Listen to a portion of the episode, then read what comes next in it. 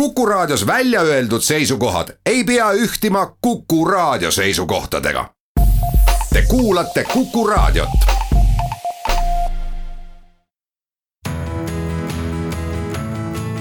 kuku Raadio nädala kommentaar. tere, mina olen kultuurikriitik Mihkel Kunnus ja see on minu nädala kommentaar teemal Must luik sõnapaari Must luik tegi laialt levinuks Liibanoni päritoluga mitmekülgne mõtleja Nassib Taleb oma samanimelise bestselleriga. enne mustade luikede leidmist Austraalias kehtis pikale kogemusele toetuv veendumus, et kõik luiged on eranditult valged. ja seepärast võttis Taleb musta luige kujundiks, mis tähistab midagi, mida ei osatud ette näha, aga tagantjärele tundub üsna loomulik või hästi seletatav aga probleem pole üksnes tagantjärele tarkuses, selles väikeses tunnetusteoreetilises alanduses Taleb peab silmas eelkõige juhtumeid, mis on ennustamatud, aga väga suure mõjuga. ja selliseid juhtub reaalses elus alati. ja siis sellepärast ei jaksa Taleb ära kiruda majandusteadlasi ja muid sääraseid ratsionaliste, kes tuginevad tuleviku ennustamisel lihtsalt mineviku ekstrapoleerimisele. ei ole midagi hullemat kui prognoosid, mis loovad inimestele turvaillusioone, rõhutab Taleb. määramatus on tegelikkuse olemuslik osa. ilma ennustus ei saa iial täppisteaduseks. kas tehnoloogiline progress päästaks? Ei, see teeb asju palju mugavamaks ja paremaks, aga riskid ühiskonnast ei kao, vaid muutuvad teistsuguseks. sellest kirjutas mõne aasta eest surnud saksa sotsioloog Ulrich Beck palju tunnustust saanud teoses Riskiühiskond. Beck kirjutab seal, et tehnoloogilise progressiga oleme küll väga palju riske maandanud, aga loonud ka väga palju uusi ja täiesti teistsuguseid riske. muide, tema raamatul on kaks eessõna siis vahetult pärast käsikirja valmimist vapustas maailma Tšernobõli katastroof, mis oli Peki sõnade elavaks kinnituseks. ja selle sündmuse valguses lisas ta ühe eessõna lisaks, sest Tšernobõli katastroof on ideaalseks näiteks uut tüüpi ohust, tehnoloogia enesesünnitatud ohust. Talebi bestseller Must luik nägi ilmavalgust aastal kaks tuhat seitse Taleb kirjutab siin mittelineaarse maailma mõjudest inimesele, normaaljaotuse sobimatusega ekstreemsetesse olukordadesse ja nii edasi ja nii edasi niisiis, must luik on fenomen, mille saabumise tõenäosus on väga väike, aga mille mõju on tohutu. aastake hiljem tuli majanduskriis ja Taleb osutus üheks vähestest, kes olid ettepoole targad. seda kinnitas ka see, et ta teenis selle majandusüldsusele täiesti ootamatu krahhi pealt hiiglaslikke summasid. väiksemas skaalas võiks mustaks luigeks lugeda ka Soleimani tapmise. kogu maailma julgeolekuanalüütikud vahtisid nõutute nägudega ringi ja maigutasid suud. keegi ei osanud seda ette näha aga sündmuse mõju oli suur. Või mõelge, mis saaks kõigist neist tohututest analüüsivirnadest, mis on tehtud Venemaa tulevikutsenaariumi kirjeldades, kui Putin saaks homme päev insuldi. see oleks must luik par excellence, väikese tõenäosusega, sugugi mitte võimatu, aga tohutute tagajärgedega.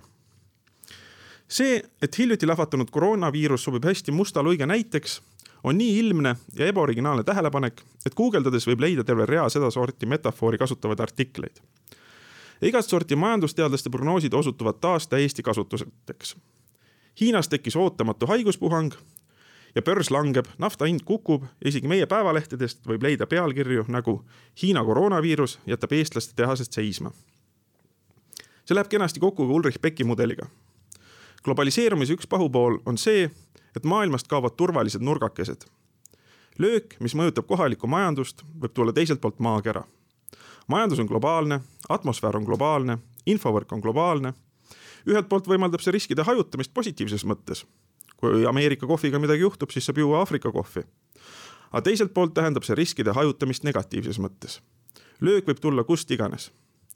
kui Prantsusmaa ei aevasta, siis aevastab näiteks Hiina ja ikka saab kogu maailm nohu Talebi kokkuvõtlik peateos Antihabras ilmus hiljuti ka eesti keeles ja on väga soovitatav lugemisvara, kuigi ta praalib ja edvistab seal päris mõõdutundetult.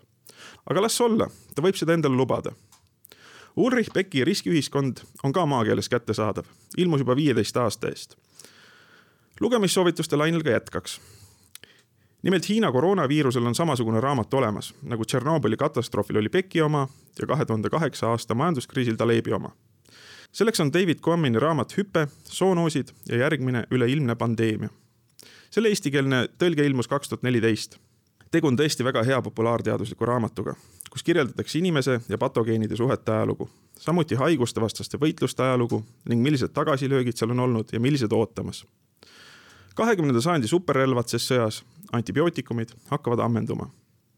raamatus on ka eraldi peatükk Uus suur katastroof, kus arutletakse, millal, mil moel ja kus uus pandeemia võiks välja pääseda. risk on kasvav, sest kasvab surve ökosüsteemidele ning inimene trügib kontaktseks üha rohkemate liikide eluvormidega. kõige tõenäolisem on Hiina, ütleb Quammen kaheksa aasta eest. seal on rahvastiku tihedus kõrge, ökoloogilised probleemid suured ja on kombeks süüa kõike, mis liigutab. heaks kandidaadiks üleilmsele pandeemia oleks RNA viirused, ütleb ta, sest need muteeruvad kõige kiiremini. Noh, nagu praegune koroonaviirus. ja lennundus oleks nagu kurja geeniusviiruse eneseleiutis parimaks levikuks niisiis võib öelda, et mingis ebameeldivas mõttes on tulevik ennustatav küll. häda selliste ennustajatega on see, et ettepanekud, mis nad teevad, on risti vastassuunas neile suundumustele, mis on praegu ikka veel hirmsasti moes. globaliseerumine, efektiivsuse ja suuruse tagaajamine. kõik suur on habras, rõhutab Taleb ja kui kukub, siis on kukkumise mõju tohutu. Miljarditehas Emajõe äärde õnnestus ära hoida. ehk õnnestub vältida ka superraudteed tumedasse tulevikku. ja ehk jätkub ka hoidu, et mitte survestada kohalikke ökosüsteeme Kuku raadio nädala kommentaar